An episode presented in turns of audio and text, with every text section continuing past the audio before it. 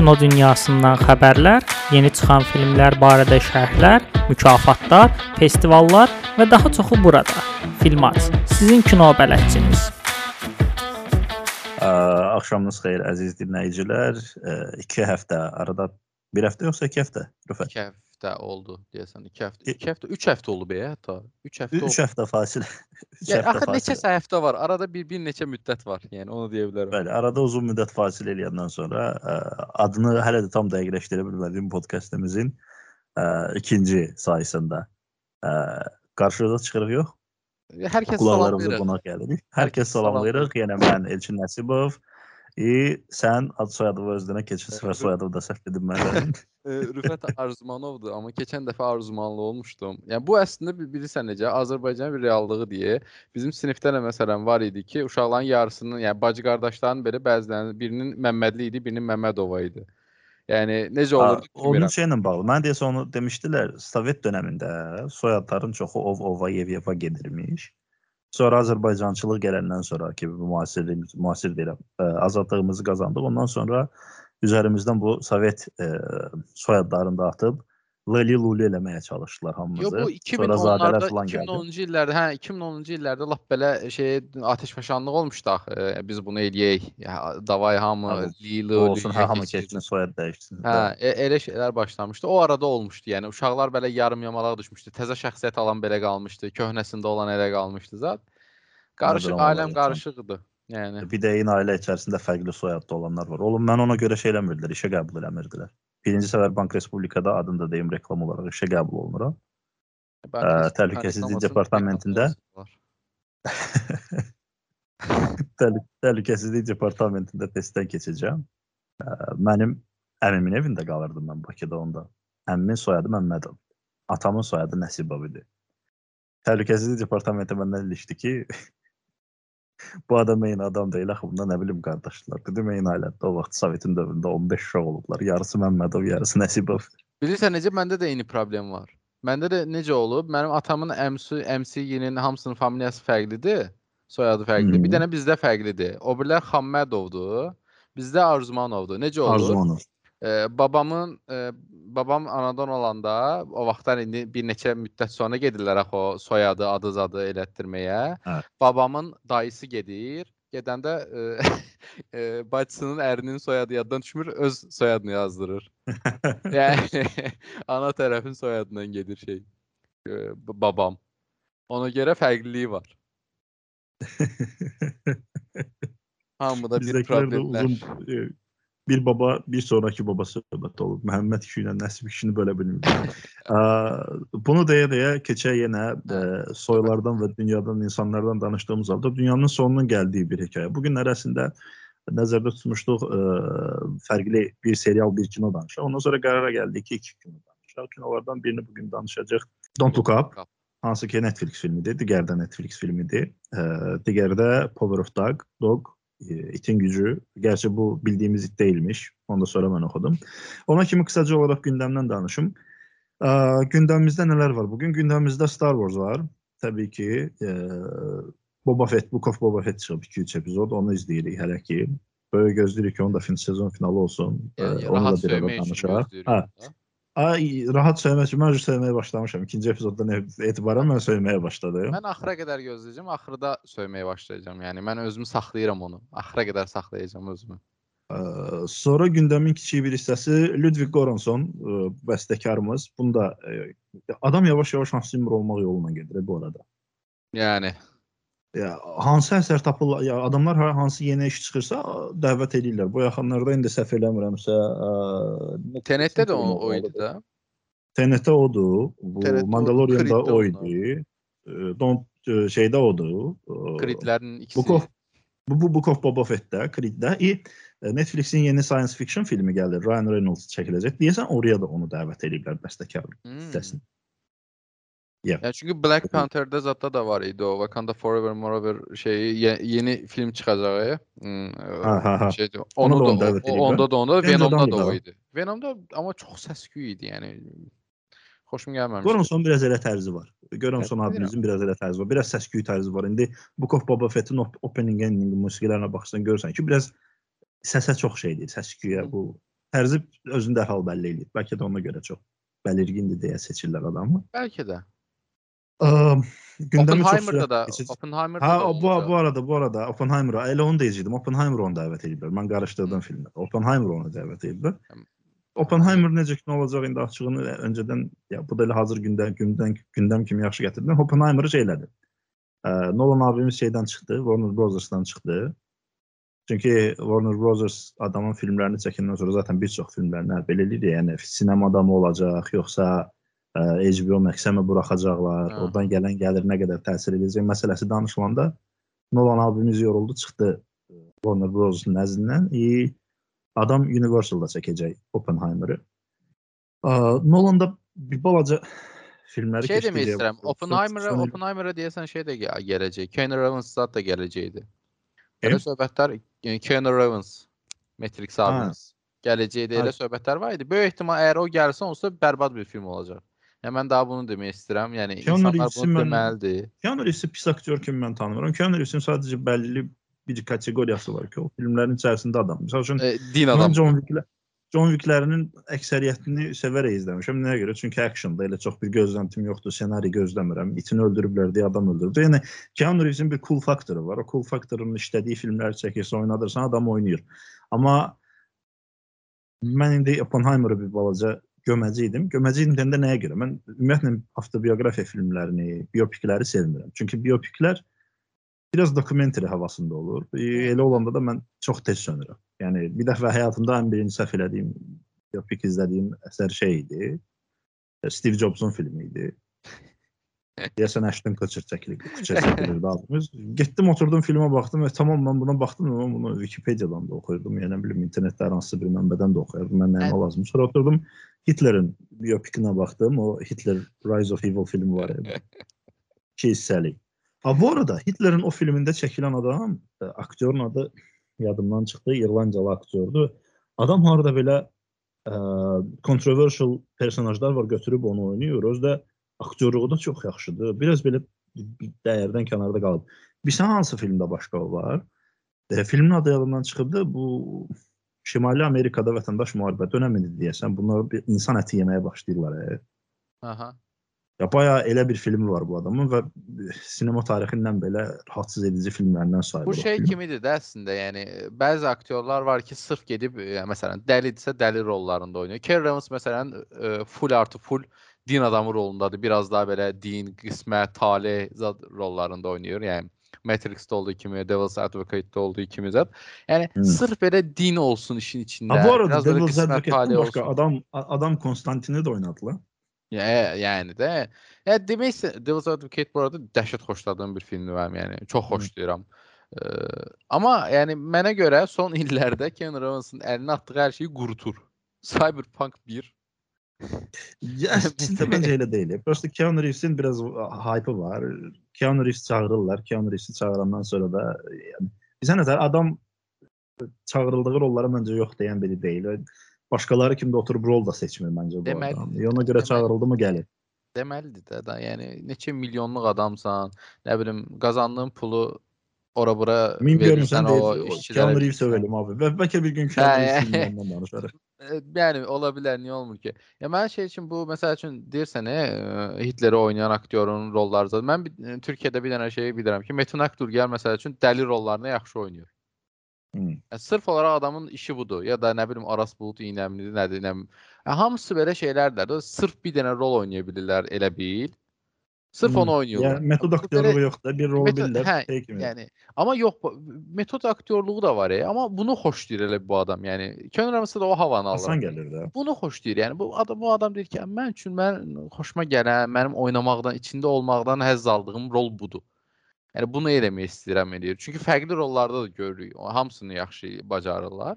Amma yəni bir şey var ki, bir növ var ki, elə bir o növdən yapışıb ki, yox, mən bunu oynayacağam və bununla davam edəcəm və yaxşı rollarında sırf bunlarda olacaq. Nə deyə daha çox şeyləsinə. Don't Look Up.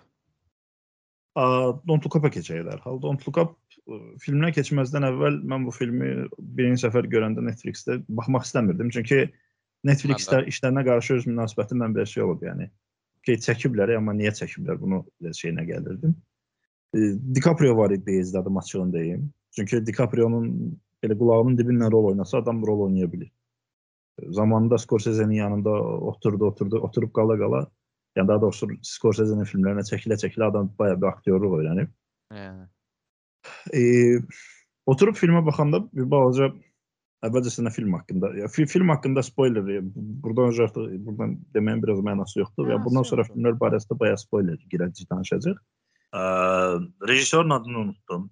Üzüm, e, şey bu ona görə buna, buna görə öncədən üzr istəyirəm, amma ə, çəkməyə çalışdığı filmlə deməyə çalışdığı şey əslində filmin ortasında hər iki personajın da ə, televizorda tamaşaçılara baxa-baxa qışqırmağa çalışdığı reallıq idi və bu reallıq bu gün də bizim dünyamızda var və ya, bunun orada kometin gəlməyindən əlaqədar olduğu halda burada artıq ə, qlobal istiləşmə ilə bağlı olduğu, e, dünya əhalisinin artımı ilə bağlı olduğu və bu artımın həndəsi silsilə ilə davam eləməyə başlayıb ə, resursların maksimum ədədi silsilə ilə arta biləcəyini biz ə, belə deyək də artıq müşahidə elədiyimizə görə bu rejissorun orada verməyə çalışdığı emosiya, yəni adamın da bəlkə də ə, bu filmi çəkərkən yaşadığı emosiya idi ki, mən bu filmdə nə çəkirəmsə çəkim, ə, əsas tamaşaçıya çatdırmağa çalışdığım öz daxilimdəki narahatçılıqdır. Çünki ə, o həmişə coğrafiya kitablarında ya belə deyək də başqa ə, dərsliklərdə ya da ki ə,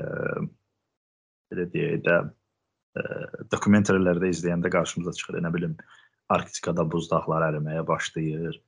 Sonra ə, keçən səfər coğrafiya kitabından mənim yadımda qalan və mənə travma olan bir dənə detal var. Ə, Cənubi Amerikada bu Ant dağlarıdır səhv eləmirəmsə. Onun ə, yüksəkliyindəki ə, belə deyək də buz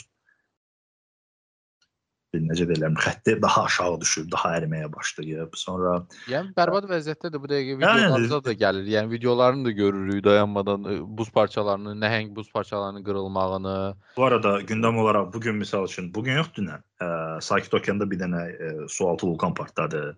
Hə, şey tsunami basmışdı deyəsən bir çox yeri. Avstraliya falan xəbərdar olundu ki, tsunami ola bilər. Belə olsa ara yerdə ə, gül bə- bə- bəlkə də gülməli gəlir. Qlobal istiləşmə olsa Nauru kimi adalardan heç kimə xəbər olmayacaq. Onlar elə səssiz sakit dənizin altında qalacaqlar. Yəni böyük ehtimal. Yəni böyük ehtimal 90% ehtimalla elə olacaq. Çünki e, izlədiyim bir dənə video izləyirdim. Tsunami gəlir, e, biri ağac döyür yumruqla. E, ə, ciddi yəni video belə bir şeydir. Çox e, sürreal bir video idi. Biri ağac döyür, nə bilim bir dənə qadın it gəzdirdi, yoxsa nəsə eləyirdi, telefonla şəkil çəkir, nəsə eləyir. Su basır hər tərəfi. Bunlar belə biri əllərini açır dənizə tərəf baxmağa başlayır. Su bu- bunu aparmağa başlayır. Sonra Belə insanlar ciddiyə biraz da don't look up havası var idi videoda. Yəni heç kəs ciddiyə almır. Yəni yanında su, tsunami olur. Su basır, bunu su aparır amma hələ də ciddi deyil. Və Başa düşmür ki, bu nədir? Yəni don't look up əslində onu düzgün göstərib məncə. Çünki insanların vecinə deyil. Amma ə, nə bilim şey məsələsi biraz mənə arada, axlıma ə, gəlirdi. Don't Look Up-la bağlı, Don't Look Up-la bağlı mən ə, sosial şəbəkələrdə yazanda ki, bəs yaxşı filmdir, ən azından izlədiyim, çatdırmağa çalışdığım mesajlar mənə çatdı. Orada sarkazmla eləyir. Ə, etiraz edənlər olurdu ki, çox bayağı filmdir, çox bayağı komediyadır, çox klişesi var, amma bəzi şeylər haqqında əslində klişe də qoysan, bunun reallığı dəyişmir. Yəni filmi izləyən adam nə gözləyirdi mən bilmirəm. Yəni bu filmi izləyib nə gözləyirsiniz? Sonda ə, meteor gələndə bu meteorun qarşısını alıb vurub partlatmaqları Armageddon Day kimi. Armageddon Day filmi var. Ya bilmirəm görmüsən yoxsa yox. Bilirəm, Willis konusudur. Bunlar çıxırlar, ə, yenə plant eləyirlər bombaları və meteoru partladırlar. Mən açığım sona qədər mən elə bir şey gözləyirdim yenə də çünki Holly- Hollywood filmidir. Amma sona elə olmur və insanlar ona görə narazıdırlar ki, yox bu axırına belə bayağı gülməli eləyiblər. Əslində bayağı gülməli deyil. Və qəti şəkildə gülməli deyil. Film. Çünki- Drama deyə, yəni onu gülməli deyil. ciddi dramadır və e, bir gün bu planet belə olacaq. Yəni bu Bu arada meteorla olmasa belə nə yalan deyim, gedib o bomba ilə meteoriti partlatsaydılar, mənə çox daha bayağı gələrdi. Yəni be- belə bitməyi mənim üçün okeydir. Çünki e, təbii. yəni fərqli bir sondu. Öldülər. Həm yəni okeydir. spoiler alert, yəni filmin sonunda bütün dünya dağılır.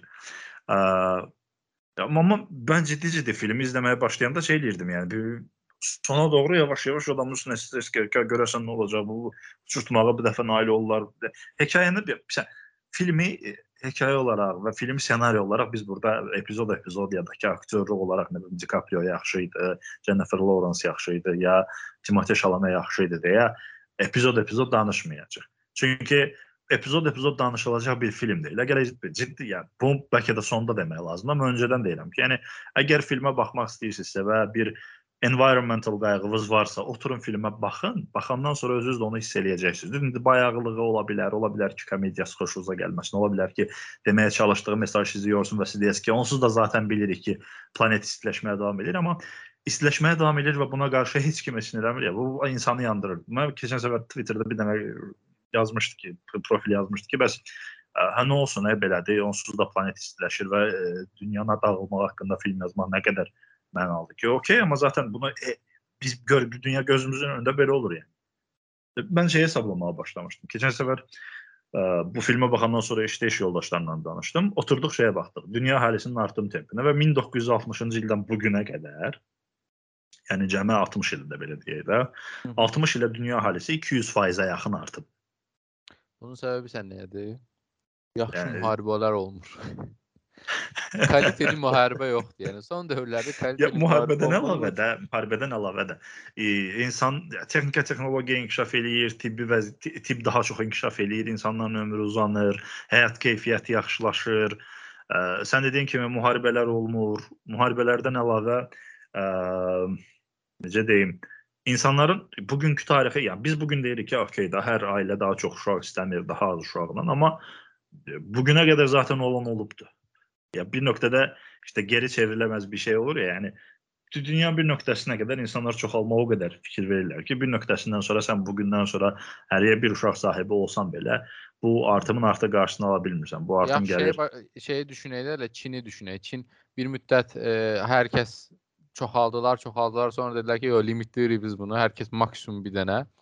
Sonra Hayır, bu arada- 2018-dən Bu arada 2018-də Çinin neçə bu qədər artım olmağının səbəbini də mən sənə deyim. Ə, mən keçən səfər şey araşdırırdım. Hani bu nəyə görə ə, sivilizasiya köhnə dünyada daha öncəki dövrlərdə yarandı və 1490-larda ə, Avropalılar Amerika qitəsinə gələndə nəyə görə Amerika qitəsində hələ quldarlıq dönəmi tam bitməmişdi, feodalizmə keçməmişdilər. Amma Avropa feodalizmdə idi deyə bir ə, gic fikir girmişdi ağlıma və dəli eləyirdi mən. Gecələr yuxum göz gözümdən yuxumu alırdı ki, bəs niyə də belə? Bu açıqlaması Çox- da yoxdur. Çox çox e, belə necə deyim sənə interesli şeyləri, türkü məsələ interesli şeylər düşünürsən gecələri. Mən, yox, mən şey, pul Hani düşünürəm. Ankaraya gələndə, Ankaraya gələndə ya, arxeoloji və antropoloji oxumaqda əsas məqsədim o idi ki, onu əsas araşdırım çıxarda bildim ki, yəni mənim içim yeyən bir məsələ var ki, okey, Amerikanın nativləri ya Onu da mən nə, hardan triggerlanmışdım? Bu bir nöqtədə işte Black Lives Matter falan, yəni bütün irqlər öz azlıqlarını müdafiə etməyə başlayandan sonra bu nativləri heç kim ortaya çıxartmadı ya, yəni. Hı -hı. Mən, mən, mən də mən də, onlar- mən də şey deyəcəm. Mən də onlar öyle dümdüz gitti ya. Nativlər öyle dümdüz gidəndə mən də şey elədim ki, yəni bu bunların da bir tarixi var və işin qəribəsi odur ki, bunlar o, oral tarixdə deyil. Yəni yazılı heç nələri yoxdur bundan. Ancaq ağızdan ağıza gəldi və literally onlar haqqında heç nə bilmirik. Mənə çox maraqlı gəlmişdi. Bu arada onları araşdıra-araşdıra bir gedib Çinə də çıxdım. Çinə çıxandan sonra fərqinə vardım ki, Çinin bu gün əhalisinin çox olmağının səbəblərindən biri bürünc dövrünün sonunda bütün dünya dark age-ə girir.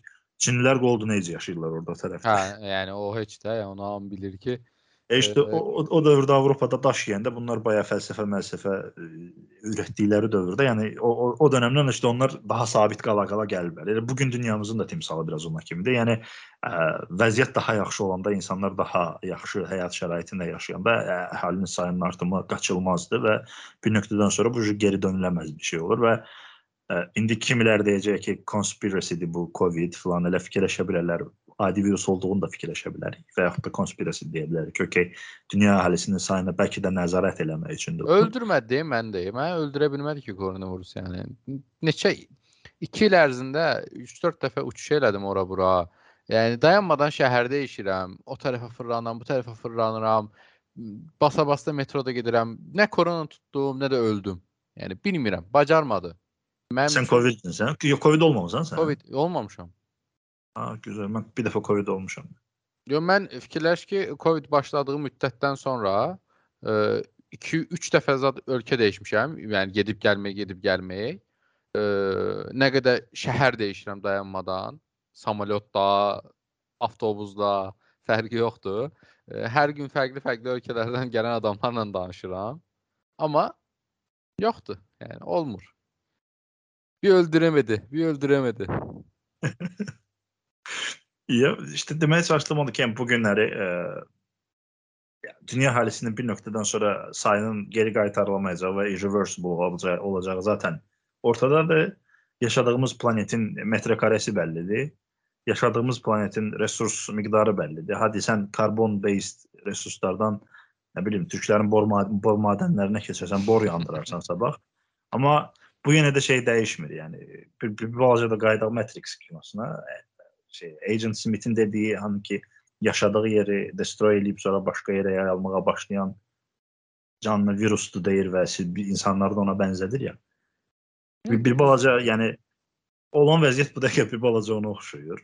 Həqiqətən dünyanın ekosistemini biz dəqiqə pis hala salırıq və bu pis hala salmadan da heç kim geri çəkilməyə çalışmır. Hadi geri çəkilməyə çalışsınlar. Bu ümumi fonda çox az bir hissəni təşkil edir. Zaten insan əhalisi biraz da veganların və vegetarianların ə, ekməyinə də yağ sürüm. Ə, yağ yemirlər amma organik olduğu için. Neyse. E, demeye çalıştığım Elə belə ki, sür yəni- qıra, qırağa qoy. Sü- sürüm diyeyim. E, bu arada yani bu etli, südlü cinsler ki var. Hani et tüketirik ya biz. Bu et tüketilmək üçün saxlanan yerlerin atmosfere verdiği bu istilik temperaturda hə. meselesi de tamam başkadır. Yani bayağı bildiğin dünyanın etinden de südünden de faydalanırıq. Dünyanın ekosistemimizi bir gününə qoyuruq və son e, 60 ildə əhalimiz, dünya əhalisinin sayının 2 dəfə artmağı bunu zaten e, bu abuse eləməyin daha da artacağı mənasına gəlir. Arta-arta da gedir. Zaten bir nöqtədən sonra mən ona görə bir transhumanizm tərəfdarı, hani biraz makinələşək falan bu ətdən çıxaq söhbətindəyim. Mən razıyam. Mən təbii ki də razıyam. Avtomatik olaraq yəni mənə mən həmişə deyirəm ki, nəsə bir e, yenilik varsa, mən ilk getməyə hazıram. Harasa aynen ben de gidəcəksə, bir, bir transhumanizm testi varsa abi salın beni birinci ben gelim. Çip mi taktıracak? Taktıraq abi. Yəni də Şey- yəni nəsə ölməli, ölmək lazımdır. Kimsə ölməlidir. Ölüm problem yoxdur. Yəni mənim üçün heç bir bir, bir, bir atılım için olsun. Günün sonunda işte karbon based form, formlarımızdan biraz çıxaq, biraz irəli atılaq, biraz i- i- inkişaf eləmiş ilk olaq deyirik, amma günün sonunda yenə də 2 milyon il əvvəl mağaradan çıxıb ət yeyən adamla eyni nöqtədəyik. Yəni yenə Yəni də ki ət yeyirəm. çox mən, şey dəyişməyib. mən Yox, ət, ət, Mən məsələsində ət deyil. Yəni ilkər biz bir insanam. yəni. mağaradan çıxdığımız ilk gündən consumerik və bu gün də consume eləyirik və consume elədiyimizi dəyişdirə bilmirik. Bilirsən necə? Nə qədər çox- dəyişsə də çox olmur. Mən çox belə şey e, ilkel bir insanam. Yəni belə deyim də sənə, e, çiğ ət belə Əti yeyə yatıb biləcək. yaxsızdır. Yəni çiğ ət belə yeyə bilərəm, yəni elə bir ilkəllik e, səviyyəsindəyəm. E, Amma e, bir ba- başa düşürəm də, yəni öz bunun pis bir şey olduğunu, ət yeməyin pis bir şey olduğunu, əslində yeməməliyik. Bunun çox zərəri var dünyaya da, həm özümüzə də zərəri var. Bunu düşünürəm, bilirəm bunları. Amma, yenə də belə ət görəndə belə istəyirəm ki, belə dişləyim də onu, yəni. Aynen hocam. Bak bu, bu Don't Look Up da sırf bu barədə. Yəni bilirik, görürük, gözümüzün önündədir. Ee, bundan filmində də alay eləyirlər falan, amma reverse eləyə bilmirik və Don't Look Up da bunu da göstərir və filmin doğru sonuna doğru da bir nöqtədə güya bunu həll eləyəcək kimi oluruq, amma sonra da yenə yenə insan greed faktoru yenə üzə ortaya çıxır, yenə ə, bu təhlükədən xilas olmaq əvəzinə ha bu təhlükəni e, biz idarə eləyə bilərik kafasına girirlər və eyni bugünkü dünyanın elədiyi məsələdir o. Yəni orada hər hansısa bir Elon Musk ya Jeff Bezos ya da ki e, Bill Gates e, necə deyirlər, parodiyası deyildi. O, o əslində, yəni düzdür, ona oxşadılar, amma mən onu söz mənim deyim, orada Elon Musk oxşayırdı. Sırf Elon Musk var. O baya insanlığın bugünkü gündə belə qarşısında bir dənə çox böyük bir risk gəldiyi halda, ha biz bunu e, kontrol edə bilərik kafasına girir ya bu o insanlığın oyununu o Kontrolü xarakterdir. keçdi nə? Kontrolü keçdi. Pula çevirə bilərik düşünür. Yəni. Ay, yəni ayşə, yəni kontrol elə pula çevirib bəlkə daha yaxşı. İnsan şey var, yəni, krizis gəlir və krizisdən bir dənə şey yaradaq, imkan yaradaq söhbətinə gəlir və bu, bu insanlığın xarakteridir. Bu hər hansısa bir Elon Muskların ya Jeff Bezosların xarakteri deyil. Bütün insanın içində, insanların hamısının içində bu şey var, tik var. Yəni biz bunu istəyirik həmişə ə, bir k- krizis oldu mu, bu krizisdən bir şey sağlamağa çalışaq. Bu dəqiqə Türklərdə də var o. İşte liranın en- en- endiyi dövrdə ə, hani bunu özünə mənfəətə çevirməyə çalışan adamlar oldu və s. və s. və s. Qaçılacaq bir şey deyil yəni və fi- filmin sonunda da bunun belə olmağı. Düzdür, indi orada komediyası var, oyunu var, amma yenə də deyirəm, burada bu film haqqında danışmaqdan çox bu filmin bizə anlatmağa çalışdığı şeydən mən danışmağa çalışdım. Ya məndə orada məsələn filmdə xoşuma gələn şey e, Le- e, DiCaprio'nun e, ilk başlarda çox belə həyecanlı, ələ əsən, e, panik panik atağı olan bir adam olmağına baxmayaraq biraz pul, biraz e, televizorlarda tanınmaq, hamının Məşhurluq, tanımağı, fame, məşhurluq. sevgi, seks falan avtomatik hamısı bunlar insanın bir yerdə bu da dəyişməyi- söndü. Yəni avtomatik insanın dəyişməyini, yəni doğrudan da elədir də. Yəni insanlar belədir də. e, Pul gördü ya da nə bilim biraz məşhurluq gördü, tamam fərqli insana çevrilirlər. Yəni çevrilməyən insanlar olsa kaliteli insanlar qalır. Hansısa jurnalda oxumuşdum, deyir ki, e, insan beyni ölümü 3 dəqiqədən artıq fikirləşə bilməz. Çünki 3 dəqiqədən artıq fikirləşməyə başlayanda artıq sənə zərər verməyə başlayır bu. Psixoloji olaraq zərər verir. Və ona görə 3 dəqiqədən artıq sən ölümü fikirləşə bilmirsən və beyin səni avtomatik olaraq başqa mövzulara yönəldir. Və Yəni insan yap, beyni də belə. Yəni şey də yəni bu dəqiqə avtomatik olaraq challenge accepted deyib e, ölüm düşünməyə başlamaq istəyirəm 4 dəqiqədən. Yəni Ay budur. elə bir moda girirəm. Budur. elə bir moda girdim əməlli başlı. ya düşünərsən, ya düşünərsən, prosta sənə o şey eləyər. də. Yəni bir nöqtədən sonra işte suicidal thought-a girəsən, başlayasan ki, okey də bu həyatında mənası var. Existential. Ha, Sonra da Evet. klarnet, klarnet çalan Batman gəlir birdən-birə. Yəni. Yəni Film olaraq e, yəni mən sən neçə bal verərsən 10 üzərindən mi? abi mən bu film olaraq işte 6-5 7. Yəni 7 hətta maksimum ya ortalama 7-dir mənim zaten göstəricim. Bu, bu filmə yed- IMDb-si 7.3 onsda filmin. Ya mən 7 verərdim nəyə görə? Yəni filmin mənə verməyə çalışdığı nə idi? Dünyanın sonu gələcək, hamımız ölə biləcək və bunu rejissor içindən olduğu kimi, yəni o hər hər iki personajın ağzından ki qışqırmağa çalışır ki, yuxarı baxın, yuxarı baxın. Bu yuxarı bax təbii ki metafordur. Və o, o mənə çatdı. Onu mənə çatdırmaq istədiyinə mən razı oldum, izlədim, izlədiyimdən razı qaldım. Aktyorluq işi zaten yəni DiCaprio var. Ə, aktyorluğunu bəyənirəm. Timothée Chalamet var, Timothée aktyorluğunu gözəl. bəyənirəm. Ə, Kate Blanchett var, qurban olum Kate Blanchettə. Sonra bir də Jennifer Lawrence var. Qəsdən özümü axıra saxladım. Jennifer Lawrence-ın aktyoru aktrisalığını elə çox ə, aktingini da çox bəyənmirəm, amma yenə də də var və o rolunu oynadı mı, oynadı. Mənə satdı mı, satdı. Günün sonunda mən filmə baxıb dedim ki, ha, insanların belə problemi var. Günün sonunda mən filmi izləyəndən sonra axşam gecə yatanda səhərə qədər apokalipsis yuxuları gördümmü, gördüm. mən qruza düşdümmü, düşdüm. So, bu filmin mənə satacağı şey budur. 7-ni də nəyə görə verirəm? Yəni 10 ballıq, 9 ballıq filmlər izləmişik. Bu, bu filmdə 7-lik filmdir. Təbii ki Pis də. deyildi. Və 2022 yeni başlayır. Yəni bu 2022 Aynen. girişində belə bir bal vermək, çox bal vermək də olmaz yəni. Ya mən 6.5, nə, Mən mən 6.5 ciddi, mən mən, mən ciddi 7 verdim. Çünki 7-dən aşağı verməyə əlim gəlmədi. Çünki ak- nəyə mən bu filmdə şey eləyəcəm? Yəni nəyə pretenziya eləyəcəm? Şimdi qaşqı söhbət olmasın. Yəni mənim nədən narazılığım ola bilər filmdə? Olmadı, açığını deyim. Bəlkə də çoxdan izləmişəm deyə narazı olduğum məqamlar artıq yavaş-yavaş adımdan çıxır. Çünki ssenaridə ola bilsin ki, boşluqlar var idi, amma mən filmin mənə verməyə çalışdığı mesaja daha çox fokuslandım və ona görə orada olan boşluqları yaddan çıxartmış ola bilərəm. Buna görə ə, belə deyə də buna etiraf eləyirəm, amma günün sonunda mən izlədiyim filmdən dediyim kimi belə bir şey gözləyirəm. IN tipi xarakter olduğum üçün düzdür, indi mən çox belə deyim və hər izlədiyim filmdə bir məntiqi boşluq olanda mənə çox necə deyirlər, dəyir və mən ona çox ilişirəm. İndi ə, alınsa gələn həftənin sonunda ya da gələn həftə yox ondan sonraki verilişdə biz ə, Wheel of Time-ı danışacağıq və Wheel of Time-da ə, razılaşdıqda danışacağıq onu. Aha, aha. Wheel of Time-da məsəl üçün ssenari boşluğu var, məntiqi boşluğu var, bu mənə çox ilişir. Deməli bu filmdə yox idi ki, mən buna çox ilişə bilmədim və mənə çox necə deyirlər, gözümə batmadı. Yo bir Və yaxud da elə gözəl gedir. elə gözəl Yəni bir- ana ana məsələ belə deyək də, ana hekayəyə, ana verməyə çalışdıkları mesajı o qədər bağlamışlar ki, mən ona odaqlandım. Onu günün sonunda da onunla mən şey elədim, yəni ayrıldım. Ya mən niyə 6.5 verirəm? Şey kimi düşünürəm. E, Mənə görə 7 limiti biraz əslində 7 verə bilərəm. Yəni 7 deyə bilərəm hətta. Yəni 6.5 niyə belə içimdən gəldi? Nə çox belə hmm, eh, bu da belə bir film imiş, hamıya tərifləyə bilərəm bir film idi. Yəni məsələn Azir. Spider-Man-ə hamıya söyə-söyə deyirəm ki, yəni bərbaddır, nə bilim, çox məntiq səhvləri var, amma get bax. Belə deyirəm. Amma kiməsə Ha, sən vizual olaraq. Sən Hə, onu mən, bax. amma gedib kiməsə şey demirəm. Məsələn, demərəm. Don't look up. Yaxşıdır. Get bax demərəm. Yəni, hə, soruşsa ki, məndən Bu arada mən getdim dedim. soruşsa. Mən ona görə 7 verirəm. Mən getdim dedim. Mən işə Hə. getdiyim gün dedim ki, birinci gün dedim ki, oturun, yəni emotional emotional deyirəm. Environmental qayğılarınız varsa, ə, ətraf mühitlə bağlı qayğılarınız varsa, oturun baxın. Qəşəng də kinodur dedim. Oturdular izlədilər. Onları Ya mən mən dediyim kimi məndən kimsə soruşmasa ki, Don't Look Up-a baxmısan, necə bir filmdir və belə deməsə, hə, belə deyən adama deyərəm bax. Ə, ya yaxşıdır. Amma dayanan yerdə məsələn mən gedib hamıya Dune-a baxmağı tövsiyə görürəm və, və mazqı da eləyirəm ki, Dune-a bax, Dune-a bax, Dune-a bax. Amma yəni dur mən bu günə qədər friend listimdə olan adamlar dünya baxmadığına görə şeyimliyirəm mən adamlara. Yəni necə yana baxmamısan? Mən avtomatik olaraq şey deyirəm yəni, Dune-a baxmısan? Nətər idi, nətər idi. Yəni belə şeyə keçirəm, moda girirəm də, avtomatik tərif moduna girirəm. Yəni heç heç istəməsə bəy tərifinə girirəm mən onun Biz üçün. Dün haqqında sadəcə şeydə danışdıq da, düzdürmü? Hə, hə, Space-də danışmışıq təkcə. Restə danışdıq. Dün haqqında bir gün gərək xüsusi danışaq. Düzdür, ikinci film çox gec çıxacaq. Çox gec bir, bir, bir, bir gün ayıraq danışaq.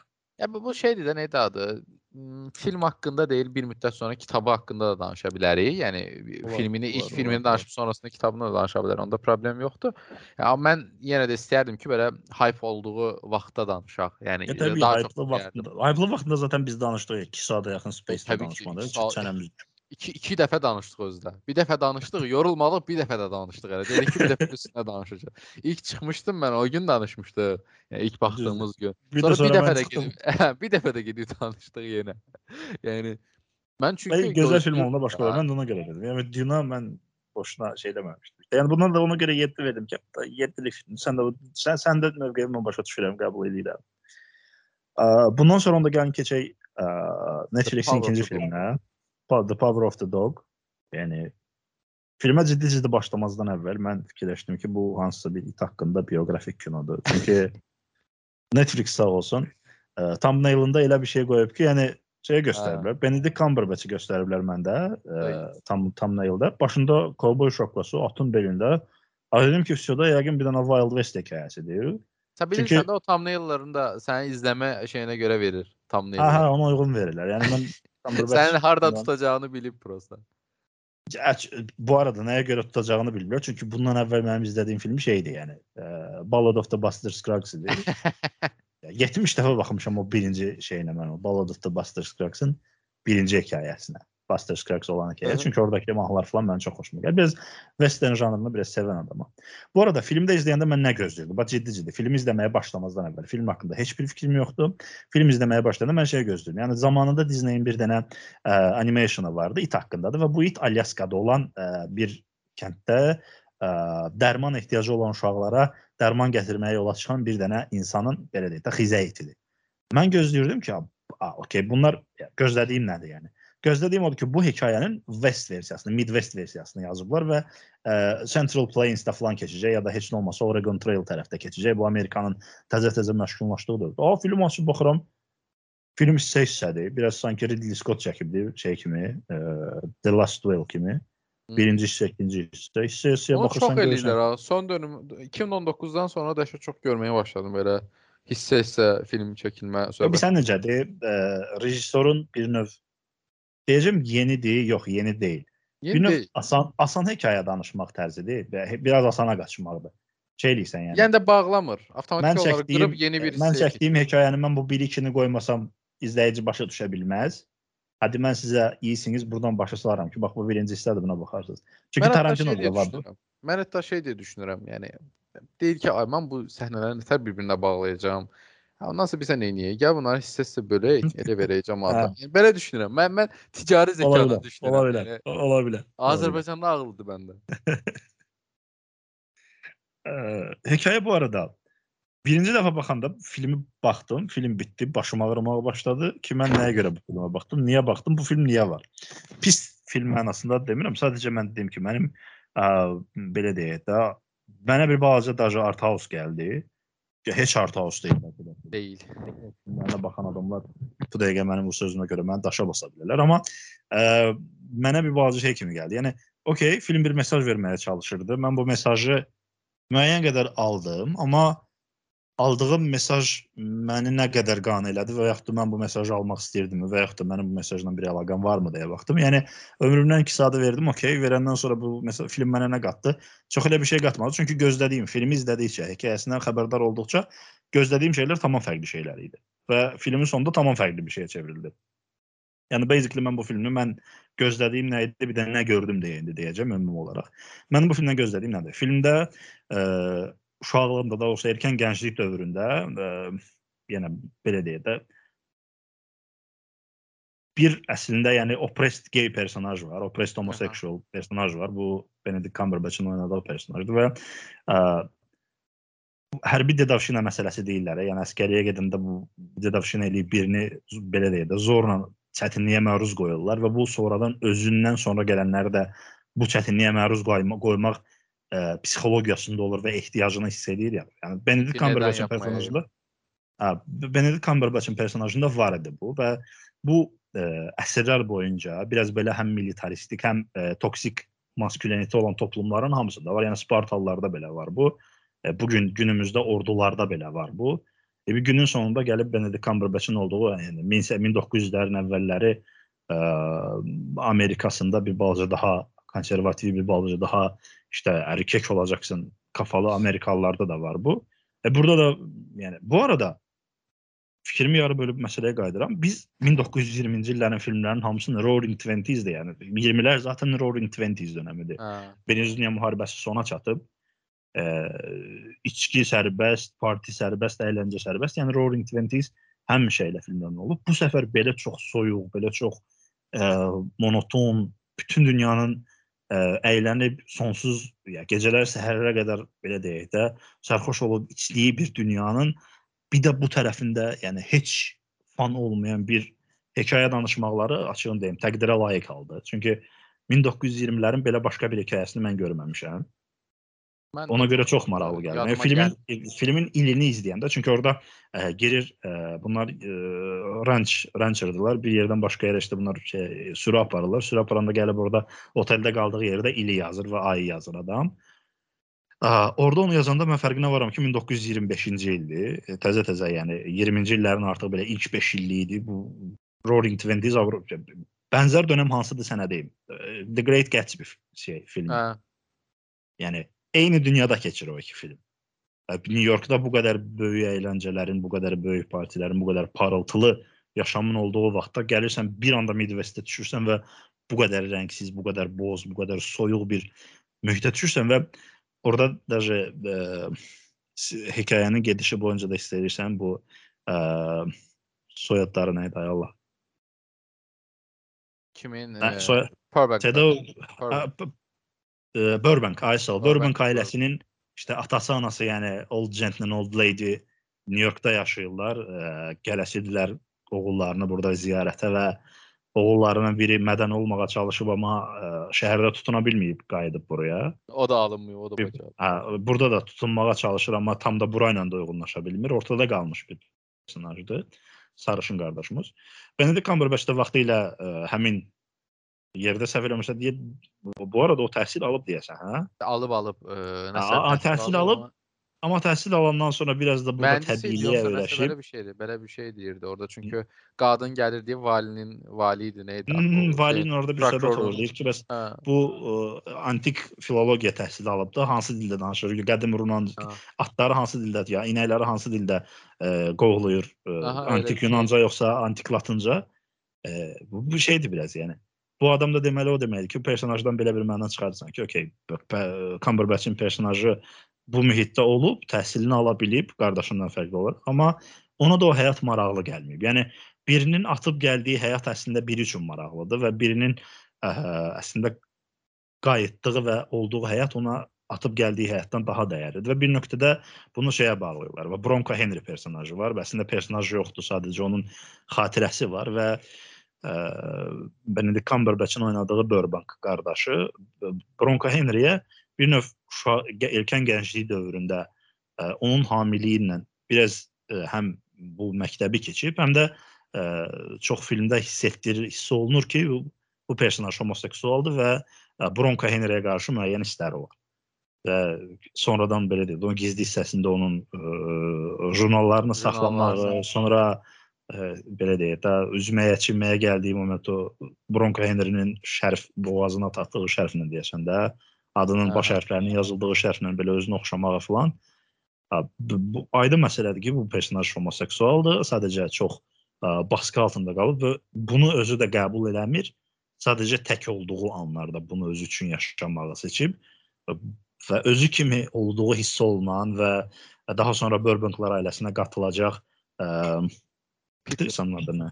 Peter. Peter, Peter personajı üçün ə, Peter personajında da özünü bir balaca özünün gəncliyini gördüyü üçün onu Bu arada bölləməyə başlayır. Peter Peter personajı da yardımcı e, şey yani köməkçi oyuncular arasında şey aldı bana ne kadar e, ödüller aldı bu yaxınlarda. Bu arada yəni aldı olmağına da yəni mən bu filmin sonunda göz mən gö izləməyə çalışdığım və izləyərkən ümid elədiyim məsələ nə idi? Yəni Benedict Cumberbatch'ın oynadığı Burbank personajının ə, homoseksual olduğunu bildiyim nöqtədən mən gözləyirdim ki, okey, Midwestdə ə, yenə ikinci bir belə bir roman hekayəsi olacaq və ən azı mən bu filmin bir nöqtədən sonra sevgi hekayəsinə dönəcəyini gözlədim Mən də elə ki görürəm. bunu heal eləyəcək də bu ki, ikinci qaqaş buna bu şey eləyəcək belə deyək də artıq bu sevgini buna qəbul etdirəcək və bu belə olacaq amma bir nöqtədən sonra yəni bir suiqəst hekayəsinə döndü və Sonu I don't care about çox belə şey oldu ya elə bir necə deyim sənə. ə, Qısa kəsdilər.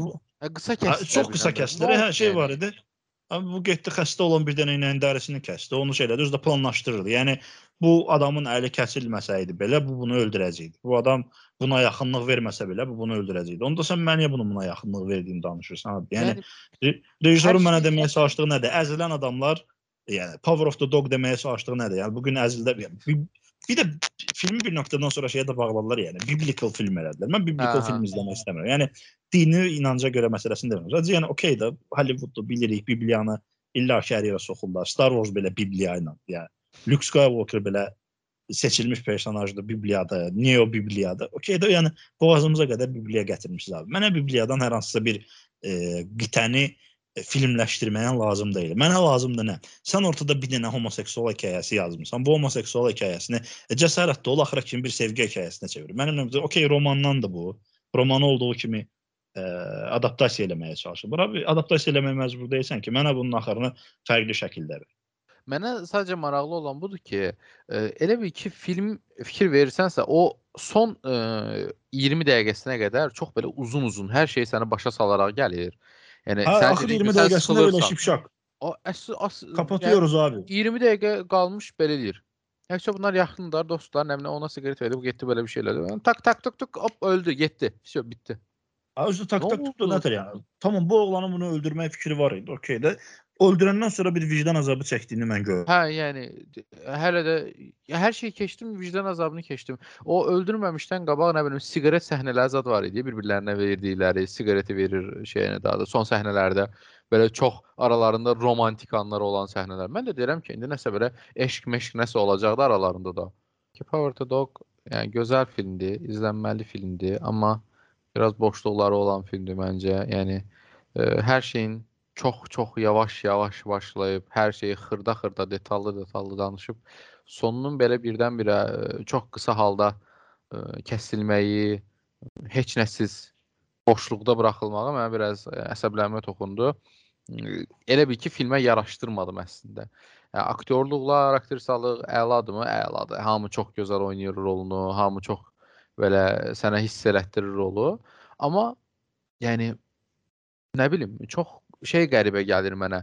Ə, bu bu- boyda film hazırlayasan, bu qədər şey danışasan, bu qədər şey özünü başa salasan, aralarındakı ə, münasibətin inkişafını göstərəsən biraz ki, onda da necə olur ki, birdən-birə inkişaf eləməyə başlayır. Yəni çox da belə şey də bildirmir. Necə deyim? Kişinin adı yadımdan çıxdı. Phil, hə. Ə, Philin uşağa qarşı, Peter'a qarşı sevgisi mi yaranır, yoxsa əzildiyini görüb onu daha çox qorumağa mı çalışır? Mən bunu tam başa düşmədim məsələn. Bu hissi mənə vermədi bu film. Demədi ki, Phil bunu sevir, ona görə kömək eləyir. Ya da Phil bunun əzildiyini görür və əvvəlcədən Phil belə şey hiss eləyib, özündə də olub ya da ə, belə bir keçmiş keçirib və ona görə onun əzilməyini istəmir, ona kömək eləməyə çalışır. Bunların heç birini vermir film. Yəni film birdən-birə filin Peter'a kömək eləməyini ə, mən sənə at sürməyi öyrətəcəm, mənlə nə bilim ova gedəcəksən, ovdu nədirsə axı. Yəni mənimlə gezəcəksən, dolaşacaqsan, ə, öz işini özün görəcəksən. Belə-belə bir şey göstərib sonra bir anda Peter'ın yəni yaxşı başa düşürəm şeylə ə, anasına qarşı olan davranışlara görə, Peter'ın anasına qarşı olan davranışlara görə biraz ə, filə qarşı çox nifrət doludur Peter. Amma yəni onu da vermir film. Yəni çox tərs köşə eləyir biraz. Amma tərs köşəyə eləyəndə də biraz belə motivasiyasını Peter'ın motivasiyasını başa salmır. Yəni anasına qarşı nə bilim, anasının özünün də axmaqlıqları çoxdur ki, o xarakterdə özü də axmaq bir xarakterdir məncə anasının Roz xarakteri çox axmaq bir xarakterdir məncə, yəni, yəni ən mənasız xarakterlərindən biridir. Amma yəni filmin belə bitməyini istəməzdim. Biraz daha detallı olmağını, biraz daha açılıb göstərilməyini istəyərdim hər şeyin. Yəni biraz daha uzanmağını istəyərdim. 2 saat 5 dəqiqədir. 2 saat 25-ə 20 dəqiqədə əlavə izləyərdim. Yəni belə bir gözəl filmin tam açıqlan açıqlanmış halını. Nə bilim, yəni qəribədir. Çünki belə bir yolu niyə seçiblər? Öldürməli idisə də o arada məncə daha böyük şeylər olmalı idi. Həm uşağa qarşı, həm də anasına qarşı daha ə, böyük problemlər olmalı idi ki, birdən-birə uşağın bu motivasiyası yaransın, Peterin motivasiyası yaransın fili öldürməyə qarşı. Amma heç birini vermirlər bizə. Yəni bu bir bir anda ə, Peterin yəni anamla yəni gəldi anam ə, dəriləri vermişdi. Ona görə ə, fil əsəbləşdi və fil an anama nələrsə dedi. Nə belə-belə bir şeylər. Mən də ona görə belə bir şey elədim. Söhbətinə gəlib çıxartdılar. Çox sadə bir səbəb olaraq görürəm bunu və mənasız bir səbəb olaraq görürəm. O filmə də yaraşdırmıram. Daha böyük, daha əldə tutulan bir səbəb ə, göstərilə bilərdi məncə və elə bitirilə bilərdi film. Tək problemim odur filmdən. Qalan amma demək olar ki, sinematografiyası zət hər şey əladır filmin. Ə, izləmək olarmı? Hamı izləsin məncə, baxsınlar. Ə, çünki Benedict xoşlayıram. Benedict Cumberbatch mənim üçün gözəl bir aktyordur və izlənməli bir aktyordur. Amma ə, bəzən də hər şey istədiyimiz kimi olmur və filmin ə, sonu istədiyim kimi bitmədi. Yəni öldürməyinə yenə deyirəm, öldürməyinə okeyəm, amma belə öldürməyinə okey deyiləm. Tabii, yəni e, sənin danışdıqların əslində belə deyək də, filmi çox belə, yəni filmi izləyirsən, izlədiyin filmdə nələr əks edirsən, onları deyirsən. Mən bir bir nöqtədə filmi izləyəndən sonra filmdən gözlədiyimi, hətta gözlədiyim ssenarini almayanda başlayıram şey eləməyə. Yavaş-yavaş filmdən qopmağa başlayıram. Və qopmağa başlayanda da mən özüm özümü başlayıram şey eləməyə. Alternativ bir hekayə yazmağa ki, bu nətəri daha yaxşı olardı. Mən nətəri yaxşı daha, daha yaxşı olardı məsələsinə gəlirəm. Yəni okey, sən burada bir ə, hekayə danışmağa çalışırsan, danışmağa çalışdığın hekayə bir okey romandan götürmədir. Roman da qeyd edir, qeyd eləyir ki, bəs ə, ə, belə deyək də əzilən adamlar bir nöqtədən sonra sona qədər əzilmirlər və bir gün sənin əzdiyin it gəlib sənin ayağını dişləyirlər. Okey, bu hekayəsi okeydir. Amma ə, məsələ nədir? Sən bu hekayəni danışanda bizə ə, hekayə üzərində çıxartdığın və hekayəni bizə izlətdiyin yol tamam fərqli bir yoldur. Orada məsəl üçün o ikisinin arasında olan ə, dostluq, qarışıq sevgi münasibəti bir bir balaca hörüldü, amma onu yarımçıq saxladılar. Ə, yəni mənə sonra, vermədi. Üçün... Dostluqdur o, yoxsa sevgidir, yoxsa yəni başa düşmədim ki, Filin əvvəlcədən yaşadığı bir problemi gö uşaqda görüb ona qarşı kömək eləmək istəyi nədir? Ba heç cürə başa düşmədim. Yəni bir anda Fil kömək eləməyə başladı Peter'a və sonra bir anda Peter da Fili öldürməyə çalışdı. Niyə? Ya, okay. Sən mənə denən ki, Peter başlanğıcdan fili öldürməyə kafasına qoydu. Bu adam tibb universiteti, tibb sahəsinə girəndən və tibb təhsili almağa başlayandan bəllidir ki, okey, bu uşaq smartdır. E tamam, fil necə oldu? Piti sevməyə başladı. Yaxşı. Başlanğıcda filmin başlanğıcında görürdük ki, bu da eyni bunun gəncliyindəki kimi yumuşaqdır və belə deyək də hanım qız şeydə xarakterdir və bu adam e, hiss elədi ki, okey də deməli ə, bu buna hamilelik eləməsə, ə, Pit şey olacaq. Bu cəmiyyətdə əzilib gedəcək başqaları. Çünki ə, cəmiyyət sərtdir. Amma bunu sən mənə ifadə hiss etdirə bilməmisən axı. Yəni bu yəni sən verməyə çalışdığın mesaj budur, amma bunu çox ə, necə deyirlər, pustar şəkildə, çox kasad şəkildə mənə verirsən. Hı -hı. Onu tam mən ala bilmirəm. Ya mən də mən başa düşmədim şəxsən. Yəni izləyərkən başa düşmədim. Yəni bunun səbəbi ə, yəni necə Arada deyim bir dialoq yaxşılıq var. Arada eləmək bir dialoq var elə ki, ə, Cumberbatch-in personajı şey deyir ki, onun oğlu da şeydir, mən onu düzəltməyə çalışıram. Bu öz bildiyi şəkildə onu düzəltməyə çalışır. E tamam bunu bilirəm. eləyirsən Amma niyə bunu düzəltməyə şey çalışır? demirsən. Yəni Emosional olaraq verə çalışır? bilmirsən. Aha, yəni niyə düzəltməyə çalışır? Motivasiyası nədir? Bunu mənə vermir məsələn. Yəni şey deyə bilər ki, kimsə ə, özü sərtdir, istəyir ki, ətrafındakılar da sərt olsun ya da nə bilim ə, Yəni, yəni sən hadi şey sən olacaq. sərt Bu, olmasan, ətrafındakılar səni inci- incidəcəklər, ətrafındakılar bu- incidəcək vulqar qədər onları qorxudacaq qədər şey ol. vulqar bir ifadə ilə deyim ki, yəni kişi kim ol? Yəni kişi Aynen. ola və belə bir söhbətə gətirib çıxartırlarsa, bu mənə Yəni, görə çox günün belə sonunda sən də deyilsən. şey sən də elə deyilsən. Hə, yəni də ona görə deyirəm, yəni elə bir söhbətə də gətirib çıxartmaq istəyirlərsə, yenə məntiqsizdir. Çünki özün də elə bir adam deyilsən. Nə bilim, yəni boşluq var idi. Bir dənə bu boşluq mənim, yəni filmin sonunu bitirmək və bağlamaq mənə görə ki, ona görə deyirdim ki, mən m, yönetmənlər, yəni şeylər rejissorlar məncə bu ə, part zat söhbətlərini ona görə eləyirlər. E, Nəsə bağlaya bilmirlər səhnəni səhnəyə. Ə, bir qırıqlığı var və o qırıqlığı deyir ki, hə mən səhnə-səhnə eləyim hər şeyi. Ə, Səhnə-səhnə eləsəm çox da bilinməz.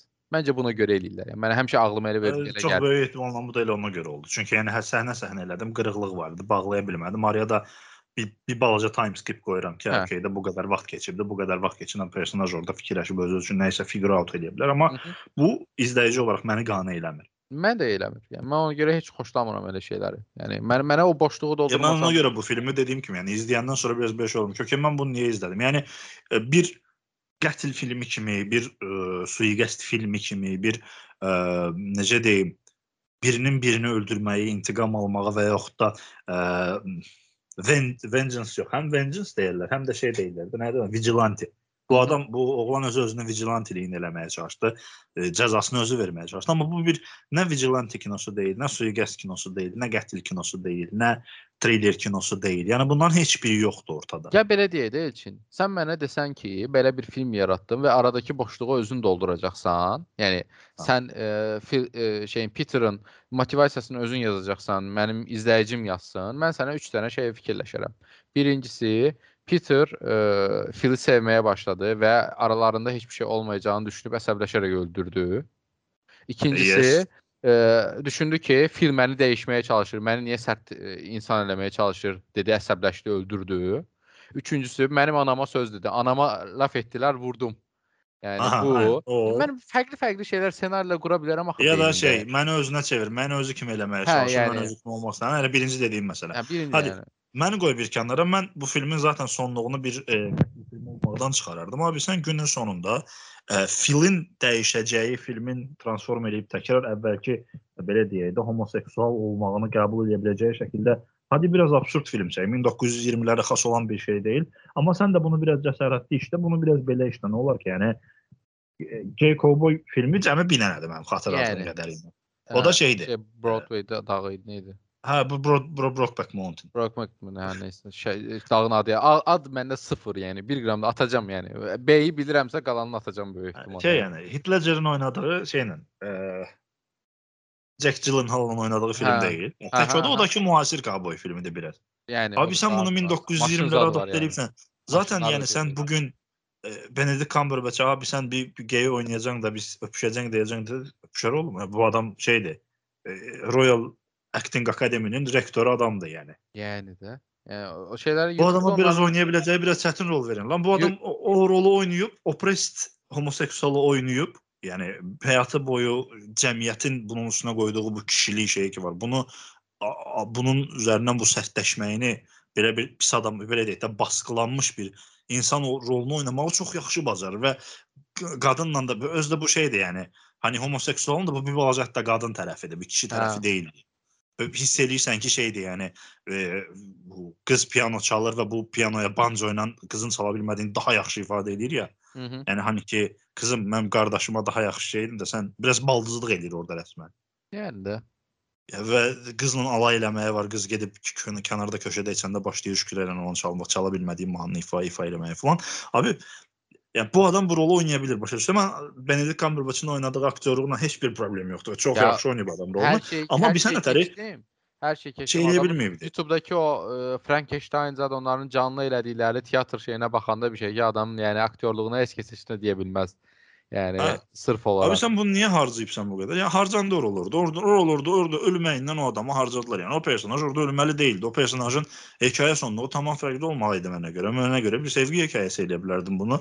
E, sevgi hikayesi de olsa götürər paşalar kimi izləyərdik. İşte homosexual love hikayesi çok az olur. Hadi bilsən necə? Bax, ola biləcəyi yerə qoymurlar. Olmayacağı yerə götürüb homosexual personaj Hə. soxublar. Eternals'a, Eternals'a Hefestius'u zənci gay personaj kimi soxublar. Abi, bu e, blackwashing'di, Sen bunu zaten oraya sırf bu satsın diye, biznes olsun diye koyuyorsan. E abi tamam abi.